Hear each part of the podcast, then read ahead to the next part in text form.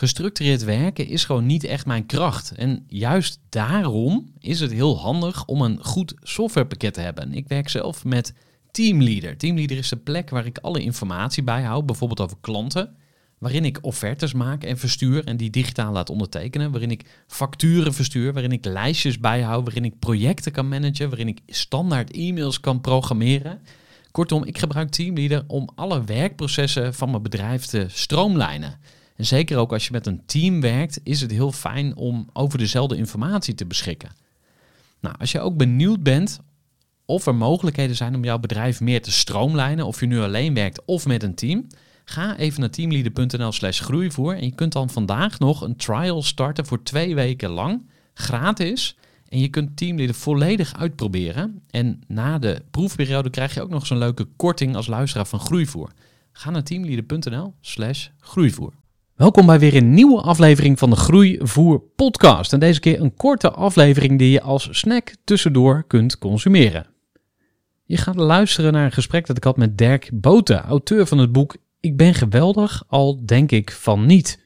Dirk is psycholoog, hij is coach en hij heeft ontzettend veel ervaring met angst. En dat is ook een van de onderwerpen die we eruit pikken. Want angst speelt voor elke ondernemer een rol. Iedereen is ergens bang voor en jij als ondernemer dus ook. Dat kan zijn angst voor faillissement, kan zijn angst om te falen, om niet goed genoeg te zijn. Het kan van alles zijn. Maar hoe kun je nou als ondernemer angst een betere plek in je leven geven? Hoe ga je ermee om? Dat is wat ik onder andere met Dirk bespreek.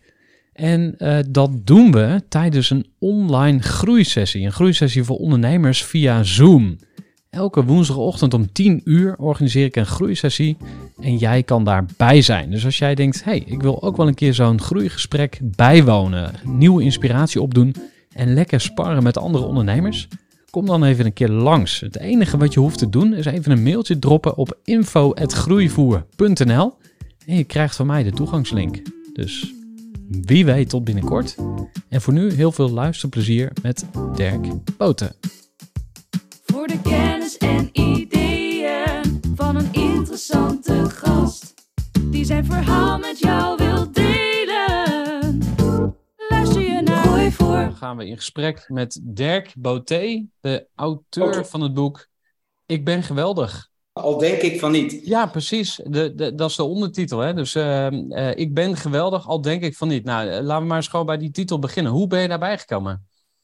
Nou, het is niet eens de ondertitel, al denk ik van niet. Ik ben geweldig, al denk ik van niet, is de titel. Oké. Want dat is namelijk precies waar het boek ook over gaat. En dat is ook precies waar jij het net over had. Er is een groot verschil tussen wie je bent en wie je denkt dat je bent. Oké. En eh, het denken wordt grotendeels gestuurd door angst. Dus in, in essentie is er natuurlijk niks mis met jou niet, met, eh, met Wilfred niet, en met Jesper niet, en met Eva niet. eh, met mij ook niet. En toch denk ik regelmatig van wel. En dat Ja. komt omdat ons brein erop gericht is om ons te beschermen voor van alles en nog wat. En dat is gebaseerd op angst.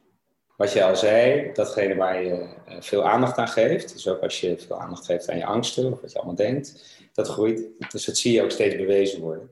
Ja, en eh, nou, we gaan straks nog dieper in op, eh, op de angst. En misschien eh, ook een angst die jij wilt delen. En dan gaan we straks in de breakouts ook over door.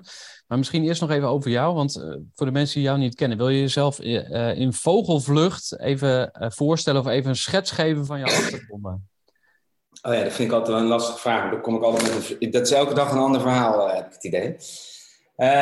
Dirk, vader van drie kinderen. Eh, eh, ik heb een lieve vriendin, een. Woon in Bussen. Ik, hou me, ik heb een mateloze fascinatie voor eigenlijk hoe het zit. Dus wie ik ben en wie ik denk dat ik ben. En hoe dat in mij eigenlijk allemaal eh, in zijn werk gaat. En ook hoe ik daar meer zicht op krijg. Dus hoe ik bewuster word. Dus mijn werk gaat heel erg, mijn leven gaat eigenlijk heel erg over bewustwording. En als ik het dan heb over bewustwording, dan heb ik het met name over de keuze die ik heb.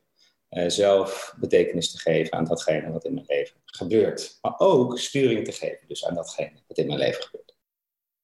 Ja, dat vind ik echt mateloos int- interessant. Dus daar ben ik 24-7 ook wel eh, mee bezig. Ofwel me erin aan het verdiepen, ofwel te leven, ofwel tegenaan te lopen, eh, te corrigeren, vast te lopen Ja, te houden, et cetera. ja. En je bent ook psycholoog. Is, is dat belangrijk voor je? Of is dat een belangrijk onderdeel van dat verhaal? Nee, ik denk dat, dat, dat achteraf snap ik het veel beter. Toen ik, uh, ik denk, ik was een vrij rebelse middelbare schoolleerling. wist eigenlijk helemaal niet goed wat ik wilde. Ik wist wel heel zeker dat ik me niet met bezig wilde houden met bedrijfskunde en rechten en al dat soort dingen. Dat leek me oerzaai. Dus ik wist wel dat ik iets wilde met mensen. Die vond ik altijd het meest interessant. En dus was psychologie het meest logisch. Wat ik vooral wilde was gaan studeren. Ik wilde graag student worden. En dat, uh, dat lukte ook heel goed. Ja, mooi hè, dat je dan achteraf uh, de dingen gaat snappen. En, uh, om jezelf psycholoog te mogen noemen, moet je dan ook accreditaties blijven ondergaan of zo? Of nee, is nee dat gewoon psycholoog niet eens een beschermd beroep. Nee, je krijgt de term psycholoog krijg je op het moment dat je psychologie gedaan hebt en afgestudeerd. Ik heb arbeids- en organisatiepsychologie gedaan. Ik wilde vooral na mijn studie, net als al mijn vriendjes, gewoon veel geld verdienen. Dus succesvol worden. En uh, dat ben ik in eerste instantie gaan doen. En dat ging ook eigenlijk best aardig. Totdat ik tot de ontdekking kwam dat, uh, dat hoe succesvol dat ook was. Ja, ik heb per saldo niet gelukkig ervan werd. Of dat ik voelde dat het me niet vervulde op de manier die ik graag wilde. Uh, of die ik voor ogen had. En ik had dus ook het idee dat er een ander pad voor me lag. Nou, dat heeft erin geresulteerd dat uh, na een aantal keer mijn baan opzeggen en dan toch blijven, omdat er weer zo'n nieuwe mooie functie. Uh, ik heb 4,5, 5 jaar in de directie gezeten van een organisatieadviesbureau en dan verantwoordelijk voor een detacheringsclub en voor uh, internationaal en vervolgens voor de consultancyclub zelf. kwam ik tot de ontdekking dat, dat ik definitief ging stoppen. En toen ben ik voor mezelf begonnen om me bezig te houden met talentontwikkeling en leiderschap. Hm. omdat ik dat als leidinggevende het meest boeiend vond. Omdat mensen zich zo verschillend gedragen. Uh, en je als leidinggevende wel degelijk een enorme invloed hebt op de setting waarin zij zich kunnen ontwikkelen en hoe zij zich ontwikkelen. Dus uh, daar ben ik toen in gedoken. Nou, dat was een super hobbelig pad in eerste instantie. En uiteindelijk heeft dat ertoe geleid dat ik uh, meer en meer ben gaan coachen. het coachen van teams en executives vooral, dus leidinggevende. En hoe, kijk je aan te. Want er was op tv een keer een discussie over dat er te veel coaches in Nederland zijn. Hoe kijk je daarnaar? Oh ja, leuk. Dat vind ik een prachtige ontwikkeling. Het heeft alleen maar te maken dat je iedereen doet uiteindelijk datgene wat het beste bij hemzelf past. En ik zeg wel eens gekscherend, de dag dat ik niks meer leer van mijn coaching, stop ik er ook mee. Dus ik denk dat iedere coach vooral bezig is met uh, een stuk bewustwording, uh, een bewustwordingsproces. Daar zijn vak van heeft gemaakt, maar in belangrijke mate dat natuurlijk voortkomt uit een mateloos interesse in hoe het bij zichzelf zit. Dus ik denk dat er heel veel matige coaches ook zijn, uh, want dat was toen de discussie.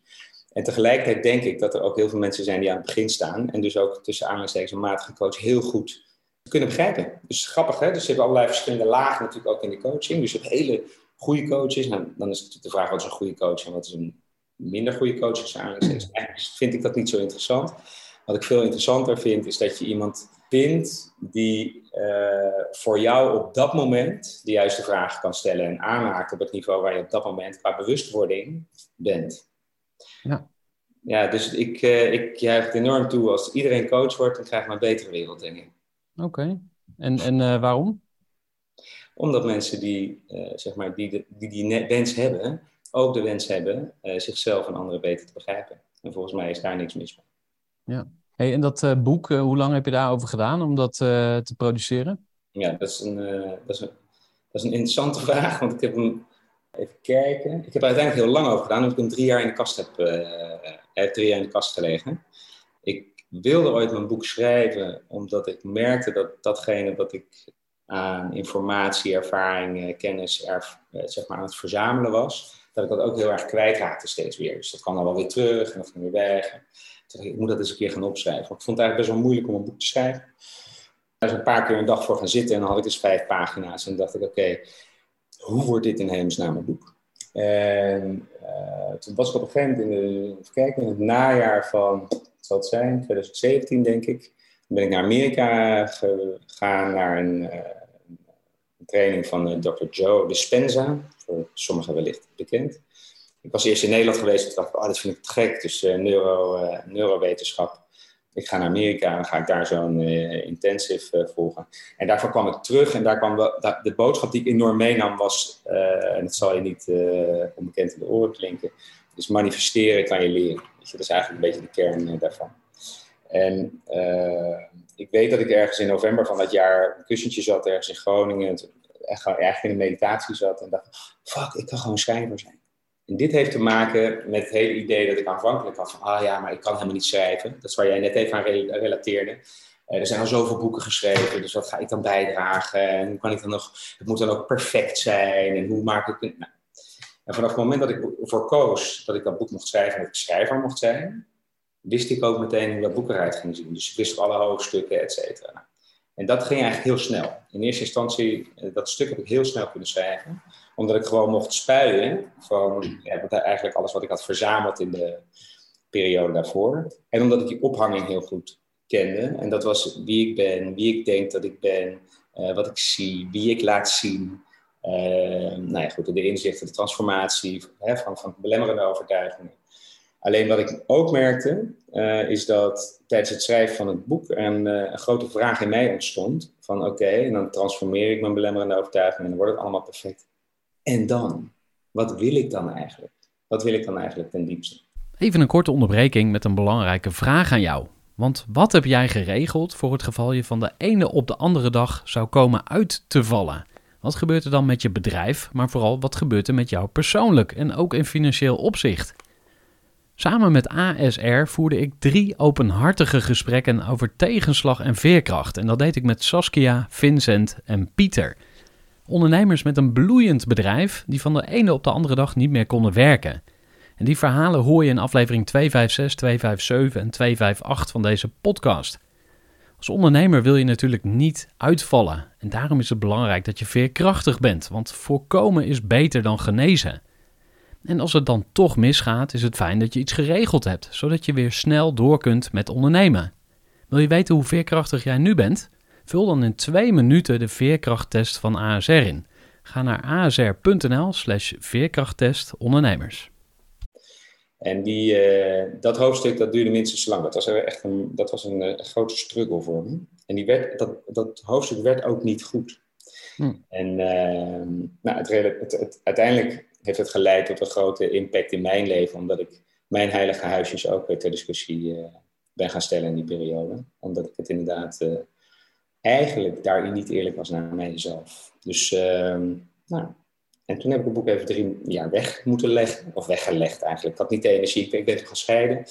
Uh, ik, heb het, ik had toen nog niet de energie dat boek af te schrijven. Tot vorig jaar. Uh, voorjaar ik met een klant aan het wandelen was. En uh, die klant die zei, ik uh, heb dat boek al, dat manuscript al drie jaar in mijn tas zitten. ik heb het al zes keer gelezen, ik vind het goed. Wanneer ga je het uitgeven? En dat was het moment dat ik oh, dat is leuk, want nu heb ik die energie ervoor. En toen heb ik het ook wederom in een maand min of meer afgeschreven. Dus heb ik vier hoofdstukken. Dat laatste hoofdstuk was geen enkel probleem. Het, was, het is heel grappig. Dus eigenlijk is het boek best wel in flow geschreven. Mm -hmm. En heeft het toch heel lang geduurd. Misschien even een, uh, een klein uh, zijsportje, maar wat heeft het boek voor jou uh, in zakelijk opzicht gedaan om jezelf te profileren? Oh, dat is wel een goede vraag. Wat heeft het in zakelijk opzicht gedaan? Nou ja, weet je, de, de zichtbaarheid, het op papier zetten. Eigenlijk er zijn, er zijn meerdere dingen die dat boek natuurlijk gedaan heeft. Het heeft uiteindelijk ook mijn eigen focus scherper gemaakt. Dus het schrijven maakt ook scherper. in de formulering van hoe ik naar dingen, naar dingen kijk, heb ik echt wel nieuwe inzichten tijdens het schrijven gehad. Dat ik echt dacht, oh fuck, oh ja, oh wow, oh, dit is, oh dat kan ik echt nog zo, oh dat kan ik ook nog zo zien of dat kan ik ook nog zo beschrijven. Uh, dus dat is één. Nou, en in dat opzicht heeft het mijn coaching dus ook beter gemaakt. Dus dat is business-wise natuurlijk ook interessant. En het heeft me een, iets tastbaars uh, gegeven. Hè? Het, is, het, is een, uh, het, is, het is tastbaar, het is zichtbaar. Dus het is leesbaar. Dus business-wise ik heb bijvoorbeeld, uh, wat is het, in september uh, geef ik weer een seminar en dan moet ik ook 80 boeken meenemen, weet je. Dus, en dan geef ik een seminar over het oogmodel wat eigenlijk ten grondslag ligt aan het boek. Dat zit daar overigens niet in, dat is wel grappig. Dus ik heb een model van hoe, de manier waarop ik coach. Ik wilde dat in het boek onderbrengen. Daar is een illustratrice twee maanden mee bezig geweest, maar het werd er eerder rommeliger van dan, dan dat het verduidelijkte. Dus heb ik het eruit gehaald. Ehm, maar business-wise levert, levert dat natuurlijk op. Ja. ja. dus de herkenbaarheid eigenlijk. Het is een lang antwoord op, een, eh, op, op jouw vraag. Maar de herkenbaarheid wordt natuurlijk daardoor groter. Ja. Laten we maar eens naar uh, de angst gaan. Want uh, dat uh, was een van de thema's die we gisteren ook bespraken toen we deze meeting voorbereid hebben. En eigenlijk de stelling is de, dat iedereen vol angsten zit. Zeker. Kan je dat eens kort uitleggen en dan ja. misschien eens naar een van je eigen angsten toegaan? Oh ja, joh, ik heb zoveel angst. Even kijken. Ik, ik vind het misschien is het wel goed om het heel even uh, heel kort weer te geven. Zoals, ik, zoals ik er naar kijk. En dat wat ik zeg is niet waar. Tenminste, ik vind dat heerlijk als mensen zelf kunnen nadenken over al dit soort zaken. En wat ik weergeef is mijn kijk erop. Dus ik heb heel veel verzameld in de afgelopen jaren. Ongelooflijk veel gelezen. Ik heb me enorm verdiept in allerlei stromingen, mystieke, godsdiensten, gechannelde... Uh, en ergens ben ik altijd op zoek geweest naar die rode draad. Dus waar gaat dit nou in essentie om? Want ook alle religies gaan in essentie over hetzelfde. Het is natuurlijk niet zo dat het, ene, de ene, geloof waar is, het andere niet. Overigens, het interessante is dat een geloof per definitie, als je het opzoekt ook wat ze geloof, dan is het iets wat je aan hebt genomen van iemand anders als waar. Dus het is, het is heel fascinerend. Uh, en zo vormen we allemaal onze eigen waarheid. En ben ik er ook enorm voor dat iedereen zijn eigen waarheid vormgeeft. Want dat is eigenlijk waarom we hier volgens mij een soort van zijn uh, op aarde is. Om zelf uit te dokteren hoe je, hoe je het ziet. Of hoe je het wil zien. Um, even de kern voor mij van als rode draad is dat wij in de basis natuurlijk helemaal oké zijn. Weet je, we komen voort uit iets wat zo ongelooflijk geniaal is. Wat al miljarden jaren er is en miljarden jaren doorgaat. We bestaan uit allerlei atomen die al miljarden jaren oud zijn. En dat uh, samengesteld leidt tot een nou ja, een, uh, een lichaam dat bij jou er zo uitziet en bij Geert, bij Kijken, bij Wilfried zo en bij Jesper en bij Hans, allemaal weer anders en bij Eva ook anders. In essentie zijn we allemaal hetzelfde, levensenergie. En vervolgens in de uiting ervan zijn we allemaal anders. En dat is echt fascinerend. Zijn we allemaal uniek. Er zijn 8 miljard versies van hetzelfde eigenlijk.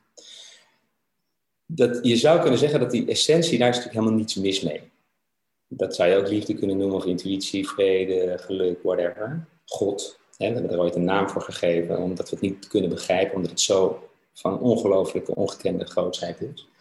Maar op het moment dat we op deze aarde komen, dan komen we in deze vorm. En dan is het van groot belang, of eigenlijk van cruciaal belang, dat we ons aanpassen aan de setting waarin we, in de context zeg maar, waarin we opgroeien. En daar is angst voor. Want als je geen angst zou hebben, dan zou je niet kunnen overleven. Dus ons brein is in eerste instantie puur en alleen gefocust op overleven. En op het signaleren dus van datgene wat gevaarlijk is. Nou, dat begint al in onze prille. Uh, dan lopen allerlei dingen anders dan je had gedacht. En op het moment dat, dat, uh, bijvoorbeeld dat je daar angst hebt, dat, je dat, dat dat gevaarlijk is, dan koppel je daar ook een gevoel van angst aan. Dat is eigenlijk het hele idee. Dus emoties zijn eigenlijk allemaal angsten allemaal verschillende vormen van angsten. En dat zijn eigenlijk signaaltjes van het lichaam om aan te geven, oh, je bent in gevaar. En daar waar het vroeger om beren ging en om uh, tijgers en whatever, ja, is dat er eigenlijk niet zo heel erg meer.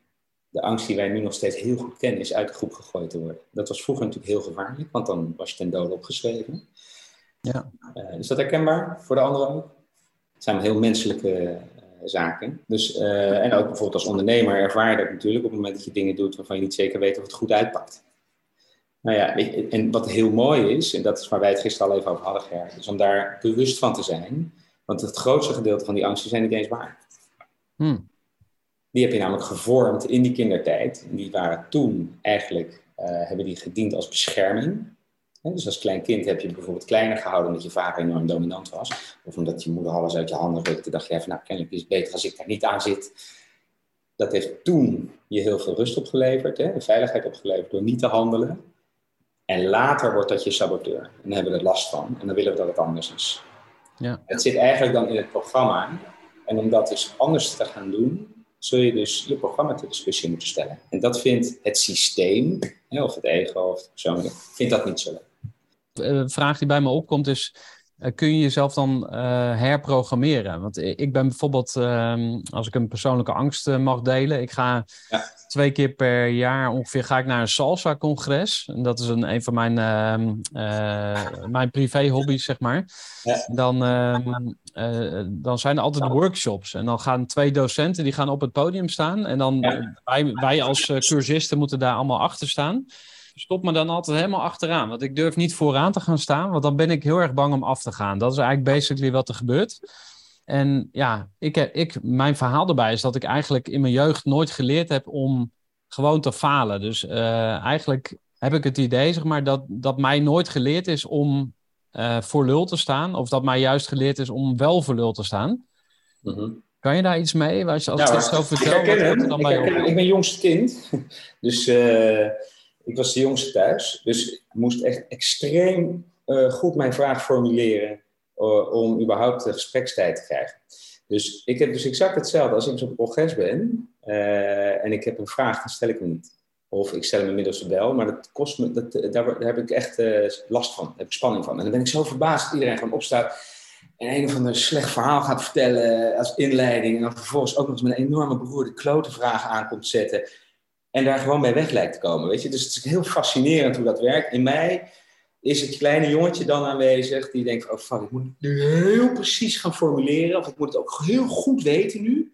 Want anders dan, ja, ja dan, uh, en dan is eigenlijk het momentum al voorbij, weet je wel. Dus moet ik echt, uh, en dan stelt iemand anders diezelfde vraag, alleen dan heel erg onhandig. Of, en dan denk ik, hoe dan? dit heeft alles te maken dus met inderdaad het programma. In mijn geval als klein, als, eh, als jong ventje, te vaak ook afgebrand van, uh, Dirk, jij weet er toch niks van, heb ik Dus het mooiste ervan is, Gerard, dat het, de, op het moment dat je klein bent, dan probeer je de wereld te begrijpen. Zodat je hem weer kunt overzien het makkelijkste eigenlijk daarin is, of het meest logische is, om te denken van, oké, dan kennelijk uh, ben ik niet interessant. Of kennelijk uh, heb ik geen recht van spreken. En dat is de conclusie die je dan trekt en die zich vervolgens daarna gaat herhalen, herhalen, herhalen. En dan wordt dat een programma. En dat is dan een bescherming en nu een saboteur. Dus het is heel mooi om je bewust te zijn, daar gaat dat bewustwordingsproces over. Oh, wacht eens, deze angst die ik nu voel, die ken ik natuurlijk. Die heb ik, die heb ik al heel lang. Waar gaat die eigenlijk over? in mijn geval gaat het erover, hou je mond nou maar, want je hebt toch uh, niks uh, zinnigs te melden. Of uh, je doet er niet toe, of niet belangrijk, iets van die naart. Nou, als ik daar naartoe kan, en die kan omkatten, en dat doe ik heel erg met ademen, dan ah ja, ah, dat vergeef ik mezelf direct voor dat ik dat ooit ben gaan geloven. Ik zie eigenlijk mijn wijze zelf die tegen mij zegt, tegen dat kleine jongetje zegt, kom maar hier joh, gozer, kom er maar bij, dat komt wel goed, we gaan, het, we gaan die vraag wel even stellen. Ja, en dat werkt wel. Dat is heel mooi. Maar dat is eigenlijk wel een proces. Want de eerste keer, als je dat doet, ervaar je nog steeds die angst. Komt het nog steeds een beetje rommelig uit of zenuwachtig uit. En denk je, dat had wel beter gemogen. En die zelfacceptatie of die zelfomarming eigenlijk, die is, die is wel gaaf.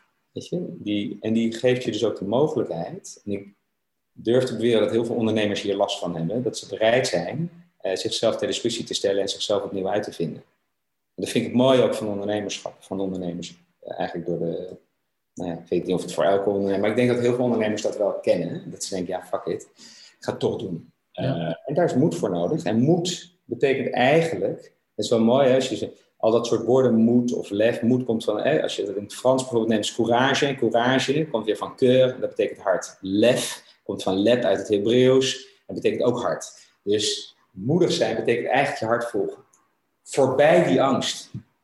Nou, dan heb je meteen die twee elementen, je hart volgen. Dat is eigenlijk wat we allemaal willen. Dat is wat we eigenlijk in de kern het liefste willen. Dus die kern, die hebben we ook, dat kennen jullie allemaal wel. Het woord passie is, mooi, is wel heel mooi om dat even aan te geven. Het woord passie, kennen jullie de betekenis van passie? Iedereen kent het woord, het is een enorm modewoord, uh, hype, et cetera geweest. Als je opzoekt in het woordenboek staat er hartstocht. Of iets waar je hartstocht voor voelt. Nou, dat is natuurlijk prachtig, want Hartstocht betekent eigenlijk de tocht naar het hart. Cool. Maar in de, in de oudheid had passie een andere betekenis. Heeft iemand enig idee? Leiden. Leiden, ja. Dus de Matthäus Passion, hè, met uh, Pasen, is uh, de leidensweg van Christus. En waarom is dat? Omdat de tocht naar het hart, die gaat door al die angsten heen. Dat is een enorme leidensweg. Want je komt jezelf enorm tegen als je echt je passie gaat volgen. Want dan moet je al die uh, belemmerende overtuigingen kom je, kom je ook tegen. En dan moet je doorheen. Die moet je aangaan. Die mag je aangaan. Overigens, wat ik heel graag daar nog over wil uh, benoemen, omdat jij dat zo specifiek noemde daar straks, uh, is er is een heel groot verschil tussen ik ben en ik heb of ik denk. Dus als je zegt ik ben lui of ik ben niet sportief, dan zeg je iets over wie je wezenlijk bent. En eigenlijk, als je wederom weer opzoekt, ik ben, I am, betekent God in actie. God in mij in actie. Dus je geeft eigenlijk de kosmos, of eigenlijk de energie om je heen, de opdracht. Ik ben niet sportief. En dat maakt dat je ook fysiek, maar energetisch, dat hele stuk aanzet. En dus ook het, het, eigenlijk, nou ja, je kent, je kent er straks wat Joe Dispenza, dus ze zijn creators eigenlijk. Daarmee creëer je eigenlijk je eigen wereld. Dus op het moment dat je ik ben uitspreekt, weet dan, weet dan dat het handig is om daar iets positiefs achter te koppelen. dus ik ben geweldig. Het andere is, ik heb een gevoel, ik heb gedachten, maar ik ben dus niet mijn gedachten. Want die gedachten zijn dus gekoppeld aan overtuigingen. En overtuigingen zijn gekoppeld aan angsten. Dus, en, en, dat voel je. Dus op het moment dat je een emotie voelt, dan weet je, oh wacht eens even, is er een overtuiging nu gaande, kan ik die, kan ik die vinden? Weet je, waar gaat deze, deze emotie eigenlijk over? Maar je bent het niet. Het is iets wat zich later gevormd heeft. Op het moment dat je dat wel, dat doen we natuurlijk allemaal, dat je je wel daarmee helemaal identificeert, creëer je ook je wereld op basis daarvan. Nou goed, ik hoop dat dit niet te ingewikkeld klinkt zo. Knikken jullie nou. ja of nee, want jullie zijn best wel klein. we gaan naar de uh, laatste vraag en dan gaan we naar uh, de breakout rooms. En um, dan gaan we nog eventjes doorsparren. Wil je mijn angst niet nog weten? Ik heb heel veel. Ja, oh ja, nee, nee precies. Dat uh, staat ook nog op het programma. Vertel eens over je grootste angst. ik heb ze namelijk allemaal. Dus ik mag ze ook allemaal. Maar wat ik een leuke, weet je wat ik een leuke vind? Die, die was heel opportun laatst. Ehm, en die, die spreekt jullie waarschijnlijk ook weer aan als ondernemers. Als, ik ben vrij, ook wel vrij impulsief. Dus ik, uh, ik ga het verhaal zo kort mogelijk vertellen. Uh, dus ik doe soms dingen waarvan ik eigenlijk dan ik denk, oh fuck, waarom heb ik dat nou zo gedaan? Dus ik had uh, voor de vakantie, ik zou eerst ver weg gaan, en toen andere plannen, et cetera. En uiteindelijk heb ik een, een campertje gekocht. Een 13, 33 jaar oude camper, om met mijn kinderen op pad te gaan. Ik heb nog nooit in een camper gezeten. Ik heb er ook eigenlijk helemaal niet onderzocht, dus ik wist eigenlijk niet zo heel goed wat ik gekocht had. En toen werd ik, dat had ik in, in de week had ik dat gedaan, en, zaterdag werd ik wakker, s'morgens. En toen voelde ik eigenlijk alleen maar uh, angst dat, dat, dat hij niet goed was. En dat er natuurlijk van alles mis was. En er was ook van alles mis mee. Dat ik geen idee had hoe dat ding werkte, hoe de wc werkte, hoe elektriciteit werkte. Het was allemaal uit de jaren tachtig, dus het ziet er heel erg rommelig uit. En wat, wat daar ontstond, gewoon in bed, is de angst dat om te falen, weet je, dat het niet goed ging. Dat die vakantie, naar de, dat dat niet goed ging. Dat ik geen goede vader was. Noem het maar door. En dat is een, dat is, ik weet niet of jullie dat herkennen, dat gaat dan, dat bouwt zich ook op. Dus dat wordt groter op dat moment. Kut! En dan, oh, dat, ja, dat gaat natuurlijk ook. En daar hebben zij dan ook weer last van. En uh, whatever. En ik heb mijn kinderen dit uitgelegd, dat, dat dit dus ook bij die keuze hoorde. Dat die keuze had gemaakt. En dat ik vervolgens dit had. En dat ik een keuze had om ofwel daarin mee te gaan ofwel de keuze had om, om zeg maar, de beslissing die ik had genomen te omarmen en gewoon het uh, aan te gaan. En dat was een heel leuk weekend, want ik ben, dat werd dus een camperweekend. Maar helemaal onderzoeken van die, uh, van die camper en uit elkaar trekken van die camper en erachter komen dat ik inderdaad ook wel een aantal dingen nog te doen had, maar ook eigenlijk best een goede koop had. Waar het om gaat is de keuze tussen meegaan met die emotie en die angsten en die gedachten die er allemaal aan uh, gekoppeld zitten. En dan had ik echt een klote dag, een klote weekend gehad. En hadden mijn kinderen dat natuurlijk helemaal kut gevonden. En die vonden ze al heel ingewikkeld. Want ja, zij zijn gewend om wat luxe op vakantie te gaan dan uh, met een oud campertje. Uh, dus zij vroegen zich meteen af, zitten die vier in? Gaan we dan niet in dat dus, die, waren, die waren al in de mineur. Daar, voelde ik, daar kwam natuurlijk mijn, mijn onvrede ook al vandaan. Dus het allemaal, ja, punt. Dus de keuze daarin, en waarom ik dit voorbeeld even noem, is daar komen al die overtuigingen samen. De angst om niet toe te doen, het fout gedaan te hebben, niet goed, whatever. En dan te kiezen, te herkennen dat dat zo is. En dan te kiezen van, oh wacht eens. Ik ga, je gewoon, ik ga het onderzoeken, ik ga dit aan, ik ga mijn keuze omarmen. En het is, is een fantastische vakantie eh, geworden. Daar kan ik nog heel veel over vertellen. Oké, maar en, en dan uh, misschien even doorvragen van, moet je want eh, wat er bij me opkomt is dat je de angst niet weg moet duwen, zeg maar. Dus je moet je, jezelf niet helemaal... Nee, de angst is er voor ons. Ja? Is er voor ons. Gek, hè? Ja, dat is dan het hele idee. Wij willen angst niet voelen. Maar wij hebben ze allemaal. We hebben allemaal angst. En het is er dus niet tegen ons, het is voor ons. Het lichaam geeft je aan wanneer je in gevaar bent. Wanneer jij ooit hebt besloten dat dit gevaarlijk is. wat we vervolgens zeggen, het lichaam zegt is, rot lekker op, weet je, ik wil niks met jou te maken hebben. En dan gaan we het proberen te vermijden. Maar uiteindelijk komt dat steeds weer terug. Het lichaam gaat meestal steeds harder eh, aan de bel trekken. Dat is ook waarom heel veel mensen omvallen en ziek worden, et cetera. Dat is uiteindelijk ook maar gewoon een gevolg, een effect. Dus als je beter zou luisteren naar je emoties, dan word je minder snel ziek en dan val je ook niet om. Dat is eigenlijk heel plat. Dus die zijn er voor ons, omdat ze een sleuteltje zijn naar de dieperliggende overtuiging die op dat moment speelt. Dus het is een kwestie van luister je ernaar of niet. Is een goede vraag, dankjewel. Ja. Dirk, we gaan het uh, hier uh, afsluiten. De vraag die ik nog in petto had, die uh, ga ik wegstrepen. Want het is hoogste tijd dat andere mensen ook ja. lekker kunnen spreken met elkaar. Ja. Dus ik wil jou heel hartelijk danken. En voor de mensen die meer willen, die kunnen natuurlijk jouw boek gaan bestellen. Thanks. Ga ik ook mee in die...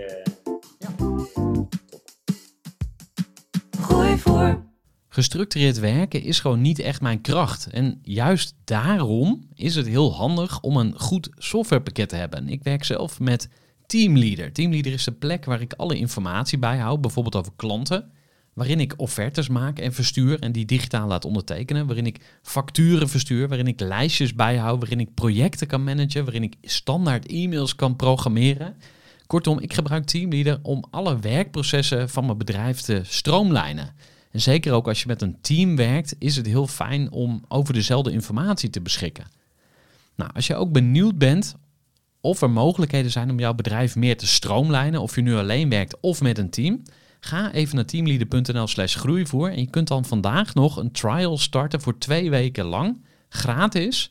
En je kunt Teamleader volledig uitproberen. En na de proefperiode krijg je ook nog een leuke korting als luisteraar van Groeivoer. Ga naar teamleader.nl slash groeivoer.